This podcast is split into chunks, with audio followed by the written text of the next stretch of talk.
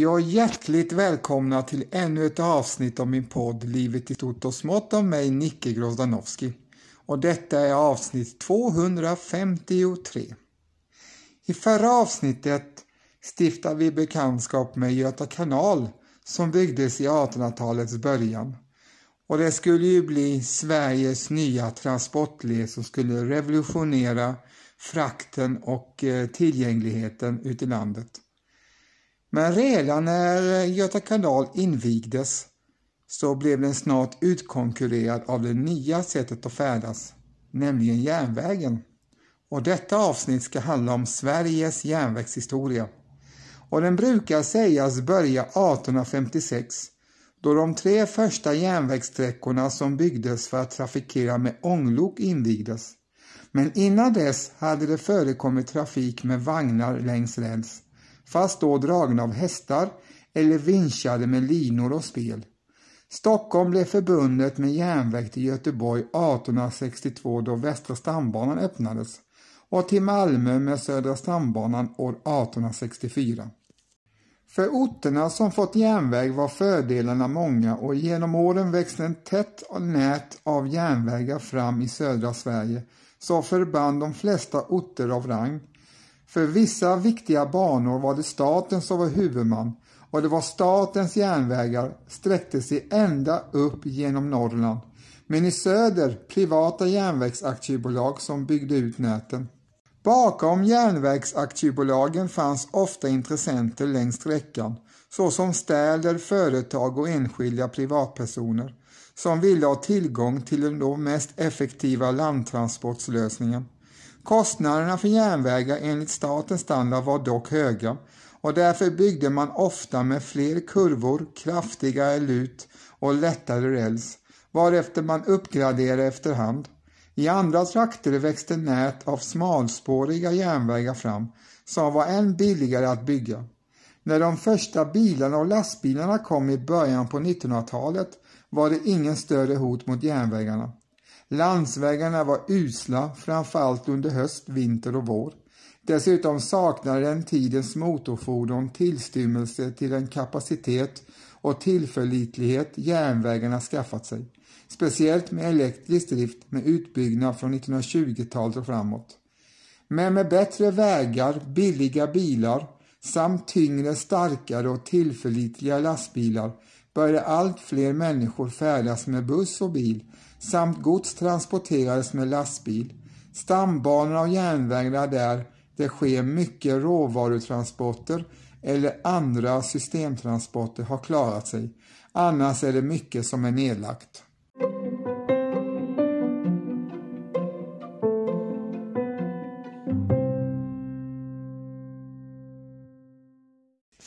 Den första dokumenterande hästbanan ovan jord i Sverige byggdes 1798 mellan Höganäs med sin hamn och gruvorna. Rälsen var av trä och vagnarna drogs av hästar. Redan 1711 fanns det enkla spårbanor i Falu koppargruva.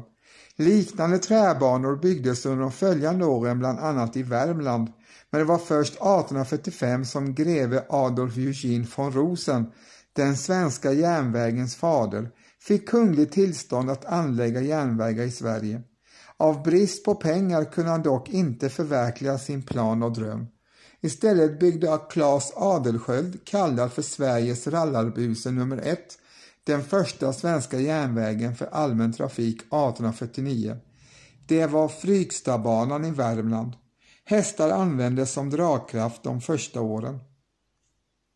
År 1850 invigdes sträckan Kristinehamn-Sjöändan. Det var 11 kilometer lång och hade spårvidden 1099 mm. Den sammanband Bergslagskanalen med hamnen i Kristinehamn och använde sig först av hästar som dragkraft och från 1858 av ånglok. Denna linje var en del av ett transportnätverk med sjöar, kanaler och järnvägar i östra Värmland. En av dem, Kroppabanan 1854, 787 mm, 9 km fick ånglok också år 1869. En större bana mellan Vänern, Kristinehamn och Mora anlades och dess första del var klar 1873 varefter de små banorna lades ner.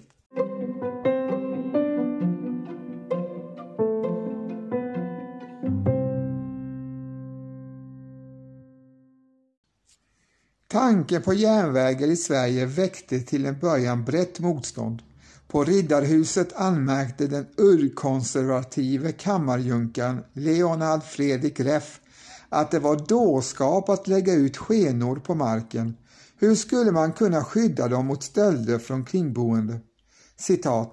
Vilka icke lära uraktlåta tillfället att där hämta sitt järnbehov. Slutcitat. Bland den stora allmänheten fanns i Sverige liksom utomlands också en utbredd rädsla för eldvagnarna som man hade hört skulle fara fram som drakar och kometer och skulle skrämma livet av både folk och fä.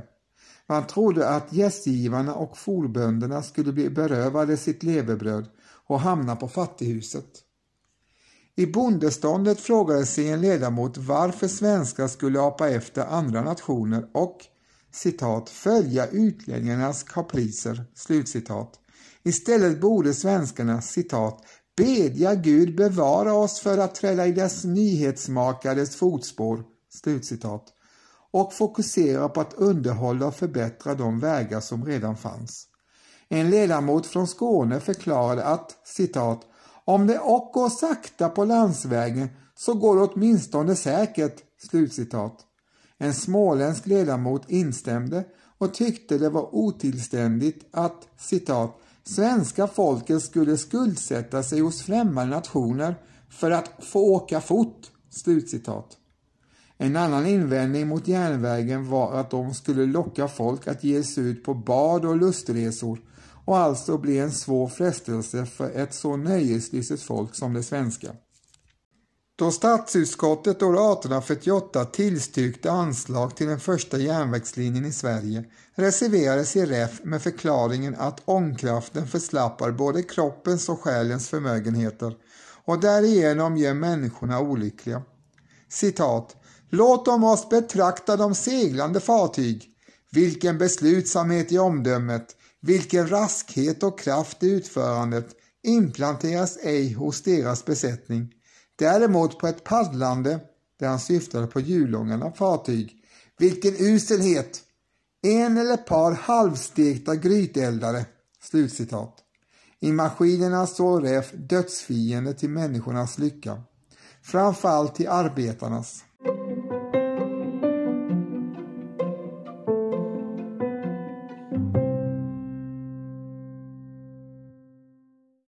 Förslingen är det första ånglok som byggdes och användes i Sverige. Det konstruerades av ingenjör Harald Asplund och byggdes av Munktells mekaniska verkstad i Eskilstuna och premiärturen ägde rum den 2 juni 1853. Det skulle användas vid byggandet av Norbergs järnväg men fungerade dåligt och blev senare ombyggd och använt vid Nora Ervalla järnväg.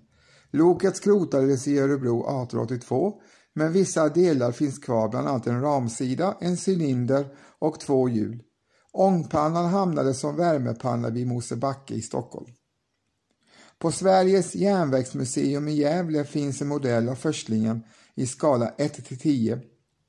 Intresseföreningen Förslingen 2 har inom projekt Förslingen sedan 1982 arbetat med att dels ta fram en modell i skala 1-5 och en rekonstruktion i full skala av förslingen, färdig och tagen i drift 22 maj 2004.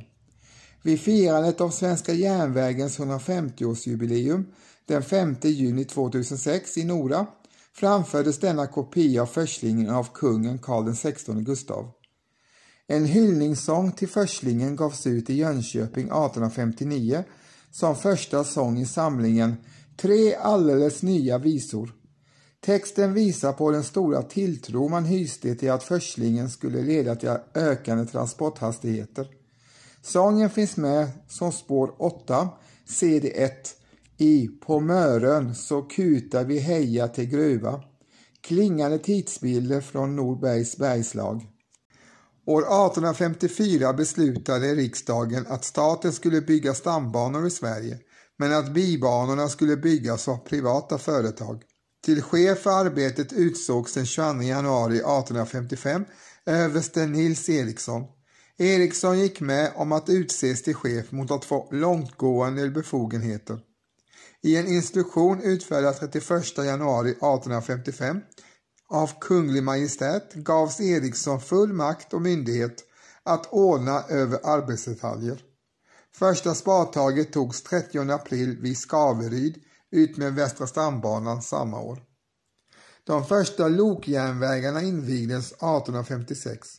5 mars invigdes Örebro-Nora, privatbanorna Köping-Hults järnväg och Nora-Ervalla järnväg.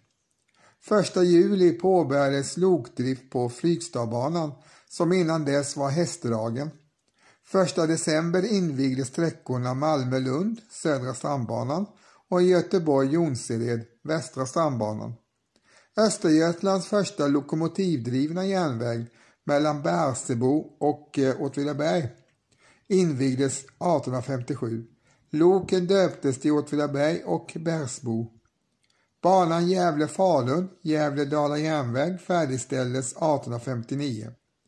1 oktober samma år togs Väsman-Barkens järnväg mellan Ludvika och Smedjebacken i drift. Hela Västra stambanan Stockholm-Göteborg blev helt färdig 8 november 1862. Restiden var 14 timmar med snälltåg, som då hade premiär. Hela Södra stambanan invigdes 1 december 1864. Samtidigt snabbade snälltågen Stockholm-Göteborg upp och restiden snittade då 11 timmar 23 minuter. Sydgående tåg mot Malmö körde sträckan i 17 timmar och 44 minuter. Norrgående tåg på samma sträcka övernattade i Jönköping och avverkade sträckan på 27 timmar och 5. Från och med 12 februari 1863 infördes olika hastigheter för tåg vinter respektive sommartid. 1866 öppnas båda första delen av Norra stambanan mellan Stockholm och Uppsala och Uddevalla-Vänersborg-Herrljunga järnväg för allmän trafik. Förutom banorna utvecklades även den rullande materialen. Ånguppvärmning började införas i personvagnar 1871 och 1872 kom Statens järnvägars första personvagnar med genomgångsmöjlighet. Nattåg lanserades 1873. 1879 infördes samma tid vid alla järnvägsstationer svensk normaltid. 1883 kom vakuumbromsen i persontågen. Godstågen var fortfarande handbromsade. 1882 invigdes Mittbanan som med sina 600,77 meter över havet är den högst belägna järnvägen i Sverige. Åtta år sen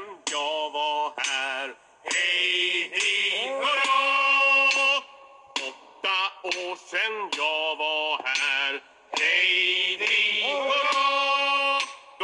hade jag en flicka kär Långt härifrån. Då hade jag en flicka kär Långt härifrån. Jag åtta brev till henne skrev Hej di hurra Jag åtta brev till henne skrev Hej di hurra Hon alla dem i stycken rev Långt härifrån. Hon alla dem i stycken rev Långt härifrån. Hon flätade den ut i sitt hår. Hej di hurra Hon flätade den ut i sitt hår. Hej di hurra! Då kan ni tro min sorg blev svår långt härifrån. Då kan ni tro min sorg blev svår långt härifrån.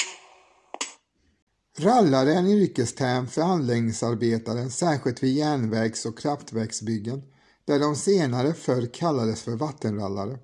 Andra ord för rallare vid järnvägen är järnvägsanläggning, järnvägsarbetare eller rälsläggare. Det var vanligt att den som gick på rallen, som den kallades, ofta var någon form av lantarbetare som sökte sig till järnvägsbyggen för att få en bättre lön. Arbetet var hårt, riskfyllt och arbetsförhållandena var många gånger mycket svåra. Rallarna inhystes ofta i bristfälliga baracker. Arbetet var fysiskt och riskfyllt, men betalningen var en stark drivkraft för rallarna. Ordet rallare härstammar från engelskans railway. Järnvägen kallades till och med under en period för rallväg och de vagnar som man puttade för hand på spåren vid järnvägsbyggen eller i gruvor kallades för rallkärra eller rallvagn. Att rallarna drog fram mellan samhällena på landsbygden kunde skapa konflikter med bofasta. Och det är kanske därför inte underligt att uttrycken rallarslagsmål och rallarsving existerar, där det första är ett uttryck för vilt slagsmål utan regler och det senare innebär att man svingar hela armen i en cirkel för att sedan träffa motståndaren med knytnäven i ansiktet. Ett nedsättande uttryck för dem var rallbuse. En mindre våldsam koppling finns till växten rallarros som fått sitt namn efter rallarna eftersom de ofta växer på banvallarna. Banverket använde under en tid termen high-tech rallarna om sig själva i sin marknadsföring och ibland kallades de som gräver ner bredbandsfiber för fiberrallare. Baklängesrallare kallas den som river upp en järnväg. Järnvägarna var landets största byggnadsprojekt och sysselsatte cirka 20 000 personer årligen.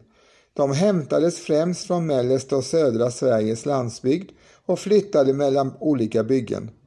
Det romantiska skimret kring livet som rallare har ofta dolt en hård verklighet med tungt arbete och i början närmast kojor som boplats, senare träbaracker. Kosten var enformig, amerikansk fläsk, kaffe och bröd. Maten tillagades så småningom av särskilda kokerskor.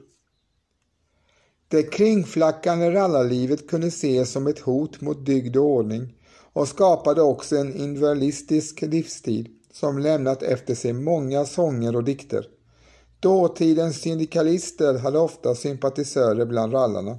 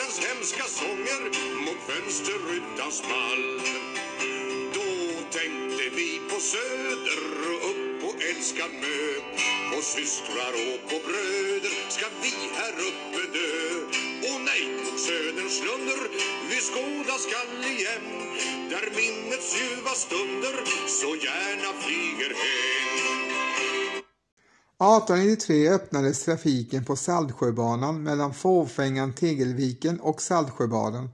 Längre norrut blev Norra stambanan färdig till Boden 1894. Där knöts den samman med malmbanan Luleå-Gällivare som hade byggts på 1880-talet av ett engelskt bolag och sedan köpts av Statens järnvägar 1891. 1895 öppnades tågfärjeleden Malmö-Köpenhamn. 1896 övergavs antikustprincipen av staten vid järnvägsbyggande, vilket dittills hade varit den rådande principen. Detta ledde bland annat till att Ostkustbanan längs Norrlands kust kunde få förlängas från Gävle och norrut, att en västkustbana mellan Göteborg och Oslo började byggas med mera. 1886 började Statens järnvägar köra med sovvagnar, till att börja med endast för första klass och andra klass resenärer. Bogievagnarna introducerades av Statens järnvägar 1891. 1892 öppnades tågfärjeförbindelsen tågfärjeförbindelse med utlandet, Helsingborg-Helsingör. Utvecklingen gick vidare runt sekelskiftet. 1897 började de första svenska restaurangvagnarna att användas på linjen Uppsala-Gävle. Senare samma år kom de också på statens järnvägar. 1903 invigdes Malmbanan Gällivare-Riksgränsen-Narvik och 1905 började statens järnvägar provköra med sina första ellok. Proven skedde runt Stockholm. 1906 tillkom A-loket som var det första stora snälltågsloket och det första vid statens järnvägar med överhettare. Sveriges första ställverk togs i bruk 1888 på Väsby station. Den största tillåtna hastigheten på huvudlinjerna höjdes 1907 till 90 km h efter att tidigare varit 85 km h sommartid och 75 km h vintertid. Under 1930-talet kom högre hastighet att tillåtas, först 100 km h med ånglok hos Bergslagens järnvägar 1931 och sedan 110 km h med motorvagnar hos Halmstad Nässjö järnvägar. Kungsleden, färjeleden mellan Trelleborg och Sassnitz, fick tågfärjor 1909, den första tågfärjeförbindelsen med Tyskland. Statens järnvägar gav sig också in på bussmarknaden med den första linjen 1911 mellan Tanum station och Grebbestad.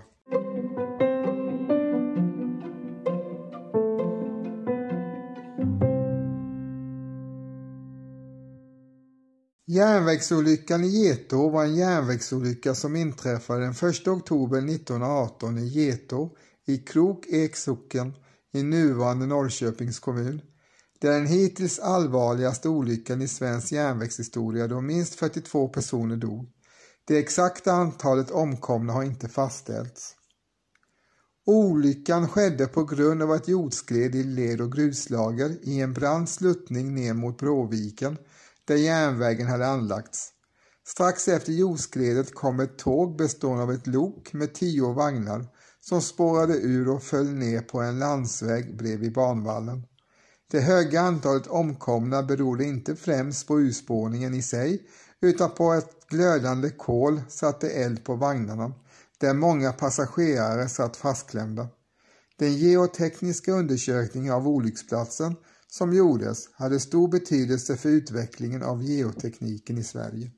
Järnvägen mellan Åby och Nyköping invigdes den 1 oktober 1915. Sträckan mellan Åby och Krokek hade i samband med byggandet undersökts geologiskt eftersom det fanns risk för ras där järnvägen skulle gå längs en förkastningsbrant längs Bråvikens rand.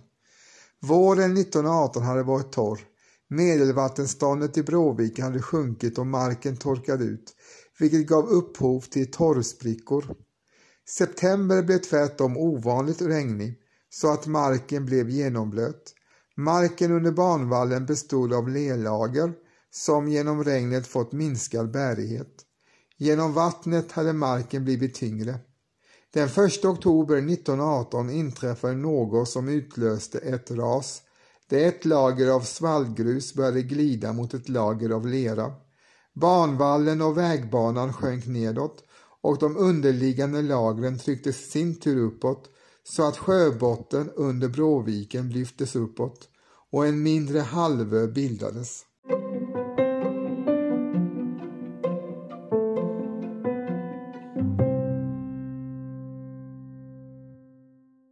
Klockan 18.26 hade tåg 2138 passerat Getå utan problem.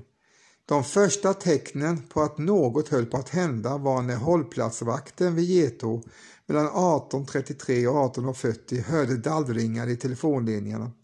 Ungefär 18.50 passerade en bryggskjuts platsen utan att märka något ras.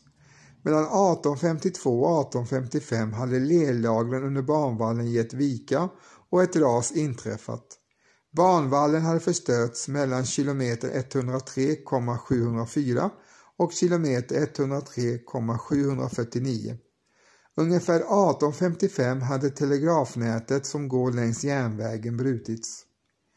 Tåg 422 hade avgått från Malmö klockan 7.00.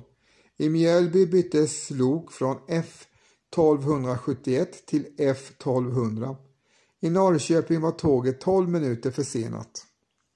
När ett tåg lämnade en station kontaktades alltid följande station via telegrafnätet med signalen Tåg ut! Tåganmälan. Tåget skulle ha lämnat Åby 1844 men eftersom tåget var försenat lämnade inte Åby förrän 1854. Ungefär då försökte stationen i Krokek kontakta stationen i Åby för att efterhöra varför den inte fått något tåg ut, men fick inte kontakt. Klockan 18.57 försökte Åby kontakta Krokek med tåg ut, men lyckades inte heller få kontakt. Vid urspårningen var hastigheten uppskattningsvis 65 70 km i timmen. Loket F1200 spårade ur, åkte ner på landsvägen och blev liggande på höger sida. De två sista vagnarna stod kvar på spåret. Restaurangvagnen blev stående i 45 graders vinkel mellan banvallen och landsvägen medan övriga vagnar förstördes. Lokföraren Wahlström stod i huvudet när olyckan inträffade och fick en hjärnskakning, men tog sig ändå ut ur loket. Konduktören Ström var vid olyckan i sista personvagnen och tog sig ut och träffade vid loket lokföraren som berättade att eldaren Karlsson låg begraven under kolet.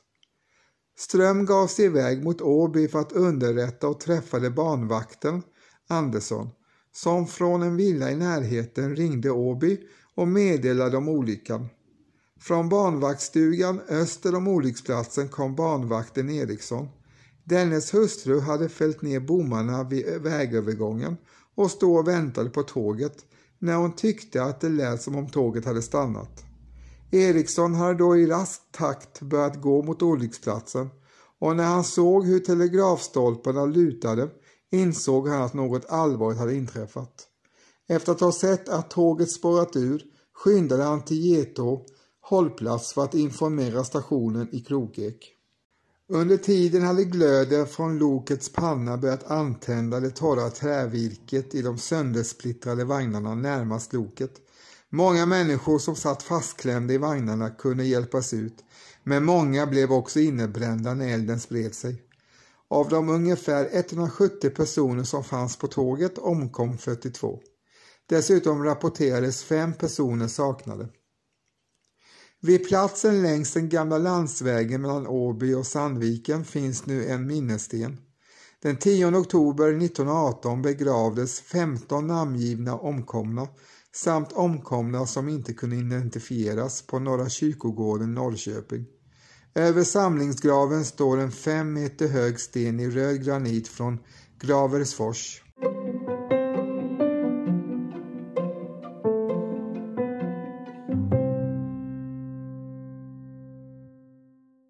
Redan dagen efter olyckan inledde Kungliga järnvägsstyrelsen sin utredning av olyckan med de första utfrågningarna av den personal som arbetat på tåget. Efter annonsering i tidningarna kunde man också fråga ut en del av passagerarna.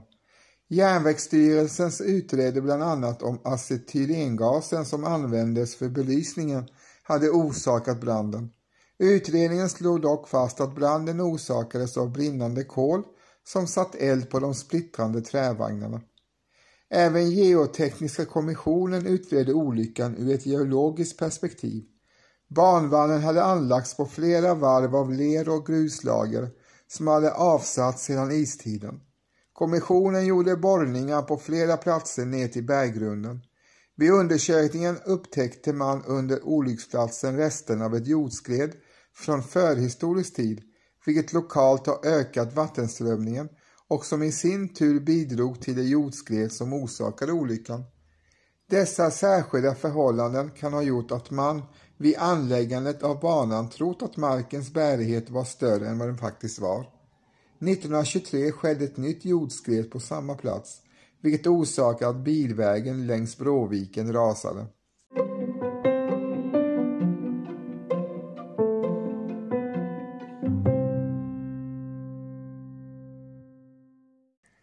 1919 beslöt riksdagen att ryckluftsbroms skulle införas vid statens järnvägar, vilket genomfördes 1920-1927. Landsvägsbusstrafikens utveckling under 1920-talet gav upphov till rälsbussar, som alltså är rälsgående bussar. Till skillnad från motorvagnar var dessa lättviktsfordon med säregna kopplingsanordningar. Först ut med rälsbussar var enskilda järnvägar, bland annat Uddevalla-Vänersborg-Herrljunga järnväg, som skaffade en rälsbuss 1922. SJ beställde 1932 en rälsbuss på prov. Efter goda erfarenheter med detta fordon beställdes flera rälsbussar för drift på trafiksvaga linjer. 1924 började elektrisk uppvärmning införas i personvagnar.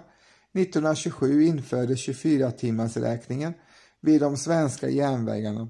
1929 började Statens järnvägar bygga personvagnar med vagnskorg av stål och 1932 rälsbussar. 1937 slutfördes bygget av Inlandsbanan, det sista stora järnvägsbygget i Sverige innan 1990-talet.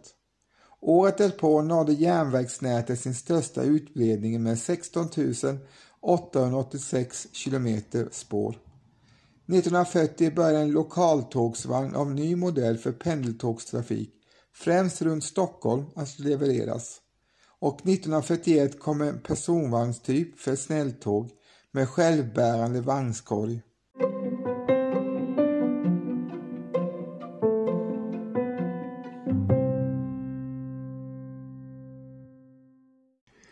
Den första eldrivna järnvägen i Sverige var en cirkelrund bana på Chalmers gård i Göteborg. Den anlades i samband med Sveriges första elektriska utställning 1885 och körde i fem veckor. 1890 togs elektrisk drift i bruk vid Boxholms AB på ett smalspårigt nät mellan bruket och stationen. Lönnabanan som den kallades användes till 1966 då den ersattes med truckar. Ett av loken finns idag att beskåda vid Boxholms bruksmuseum. Den 15 maj 1895 blev Ljusholmsbanan mellan Ljusholm norr om Stockholm och Stockholms innerstad den första svenska elektriska järnvägen för allmän persontrafik. Bakgrunden till Ljusholmsbanans elektrifiering ligger i att Stockholms stad vägrade koncession för att anlägga en bana mot Engelbrektsplan om inte denna var eldriven. En ångspårvagn hade införts 1887 i arbetarförorten Södermalm i Stockholm. Ångtåg på Östermalms gator var dock inte önskvärda på grund av kolrökens nedsmutsning. Resten av Roslagsbanan kom sen att elektrifieras i etapper. 1901 började elektriska spårvagnar gå i Sverige. SJ beviljade 1904 anslag för att prova eldrift. Proven pågick 1905 till 1908 på sträckorna Stockholm-Tomteboda-Järva och Tomteboda-Värtan. Riksdagen beslutade 1910 att elektrifiera bansträckan Kiruna-Riksgränsen och att anlägga ett vattenkraftverk i Porjus. Eldriften på sträckan inleddes 1915. Hela Malmbanan var elektrifierad 1923. Västra stambanan var färdigelektrifierad den 15 maj 1926 i samband med Västra stambanans elektrifiering togs en ny loktyp, D-lok, fram. D-lok tillverkades i 333 exemplar och förblev Sveriges vanligaste loktyp fram till 1978. Den stora elektrifieringen av SJs stambanor utfördes under 1920 och 1930-talen. Stockholm-Malmö var elektrifierad den 1 oktober 1933 och Malmö-Göteborg den 6 oktober 1936. 1942 kunde man resa med eltåg hela vägen Trelleborg-Riksgränsen, 2022 kilometer, då världens längsta sammanhängande elektrifierande linje.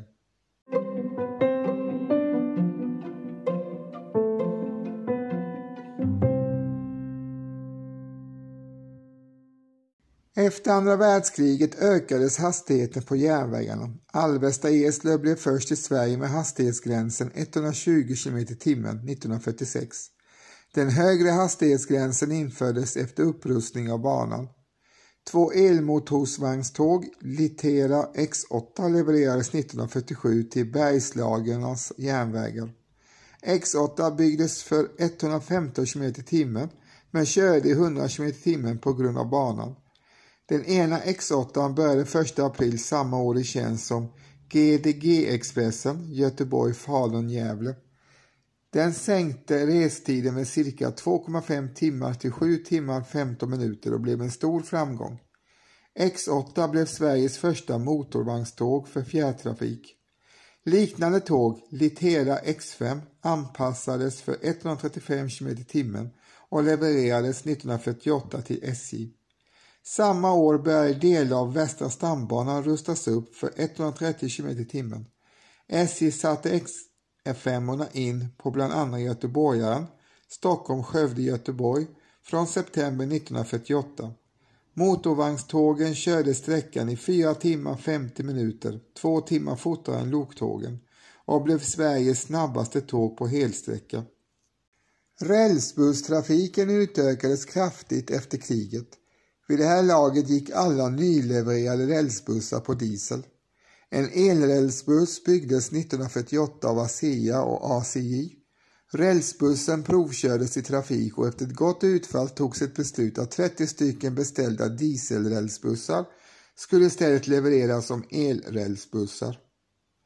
1949 kom Statens järnvägars första stora diesellok. Det var två växellok Litera V1 tillverkade i England. Det var på 1950-talet då SJ var som störst med fler än 70 000 anställda. En luftkonditionerad restaurangvagn kom 1953. De första rapidloken för expresståg, Litera RA, kom 1955. 10 juni samma år införde Statens järnvägars första sträcka med fjärrblockering, sträckan Ånge-Bräcke. Redan 1938 fanns dock en liknande system på den privata Saltsjöbanan. Gamla första klass slopades 1956 i Sverige förutom i sovvagnar. Tredje klass vagnar ommärktes till andra klass vagn och andra klass vagnar till första klass. 1958 var dubbelspåret mellan Stockholm och Göteborg klart och 1959 kom de elektriska expresstågen, så kallade paprikatågen, som kallades så eftersom de var klarröda. Snäll och expresstågen fick nya bekväma sittvagnar 1960 med nya övergångar mellan vagnarna och nya bogier och 1962 kom RB-loken, en förserie till de berömda RC-loken. 1964 invigdes dubbelspåret Katrineholm-Malmö och en ny malmbana Kiruna-Svappavaara 40 kilometer. 1966 kom ett nytt dieselmotorvagnståg, Litera Y3 och 1967 levererades det första RC-loket. Hörjelöverenskommelsen slöts i december 1964 mellan Stockholms län landsting, Stockholms stad och regeringen. Bland syftena med överenskommelsen var att samordna och utöka kollektivtrafiken i Stockholms län. För detta ändamål bildades Storstockholms lokaltrafik, Sveriges första länstrafikbolag. Som en del av satsningen avtalades det 1966 att införa pendeltågstrafik på sträckorna Märsta-Södertälje med stad våren 1968 och Kungsängen-Västerhaninge med stad våren 1970. Med erfarenhet från provkörning av X6-tåg beställdes 1966 90 stycken tvåvagnståg Litterera X1. Den första X1 levererades 1967 och totalt beställdes 104 stycken tvåvagnståg.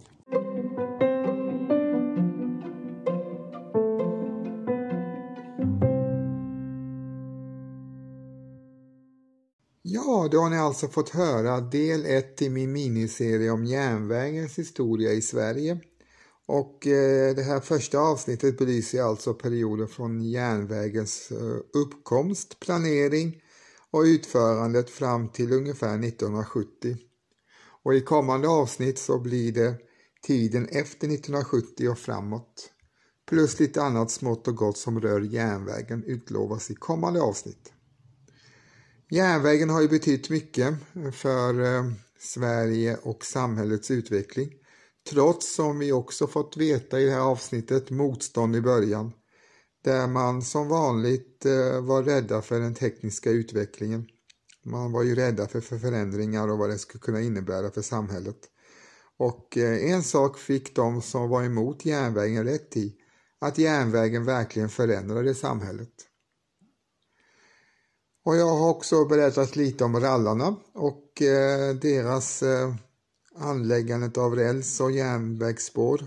De blev väldigt mytomspunna och eh, en del av den svenska kulturhistorien. Och jag hoppas att ni uppskattat det här avsnittet lika mycket som jag. I avsnittets början fick ni höra Jokkmokks-Jocke framföra sin rallarsving som också heter Det var vi som byggde folkets järnväg. Som avslutning på detta avsnitt får ni höra Fred Åkerström framföra Ruben Nilssons fantastiska rallarvisa.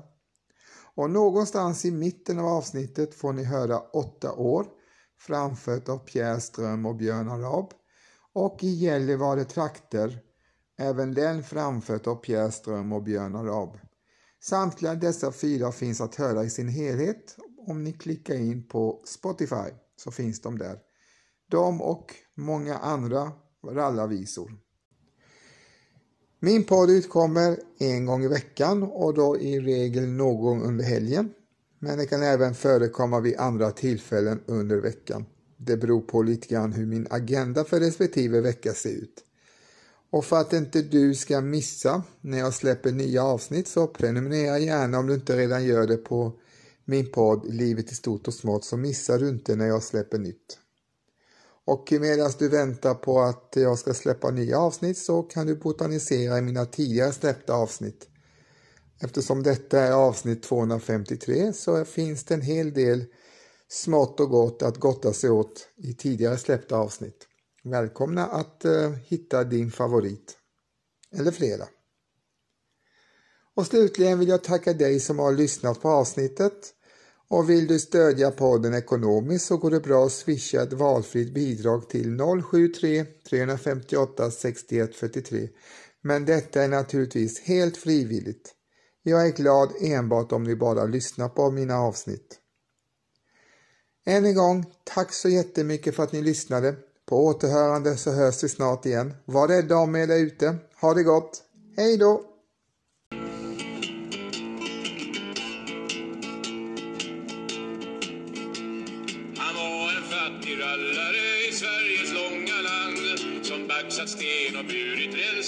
Och grus och sand. Som sovit i baracker uti Kiruna och Sveg. Som älskades och hatades till storm i hans och Johan Alfred Johansson det var hans stolta namn. Och aldrig ska det glömmas ifrån Sveg till Simrishamn. Han i rök och damm han bröt sig fram med slägga och med spett. Och på hans stråt blev marken våt av tårar, blod och och mången fager tärna som han slöt ut i sin famn. Hon tappade förnuft och sans och viskade hans namn.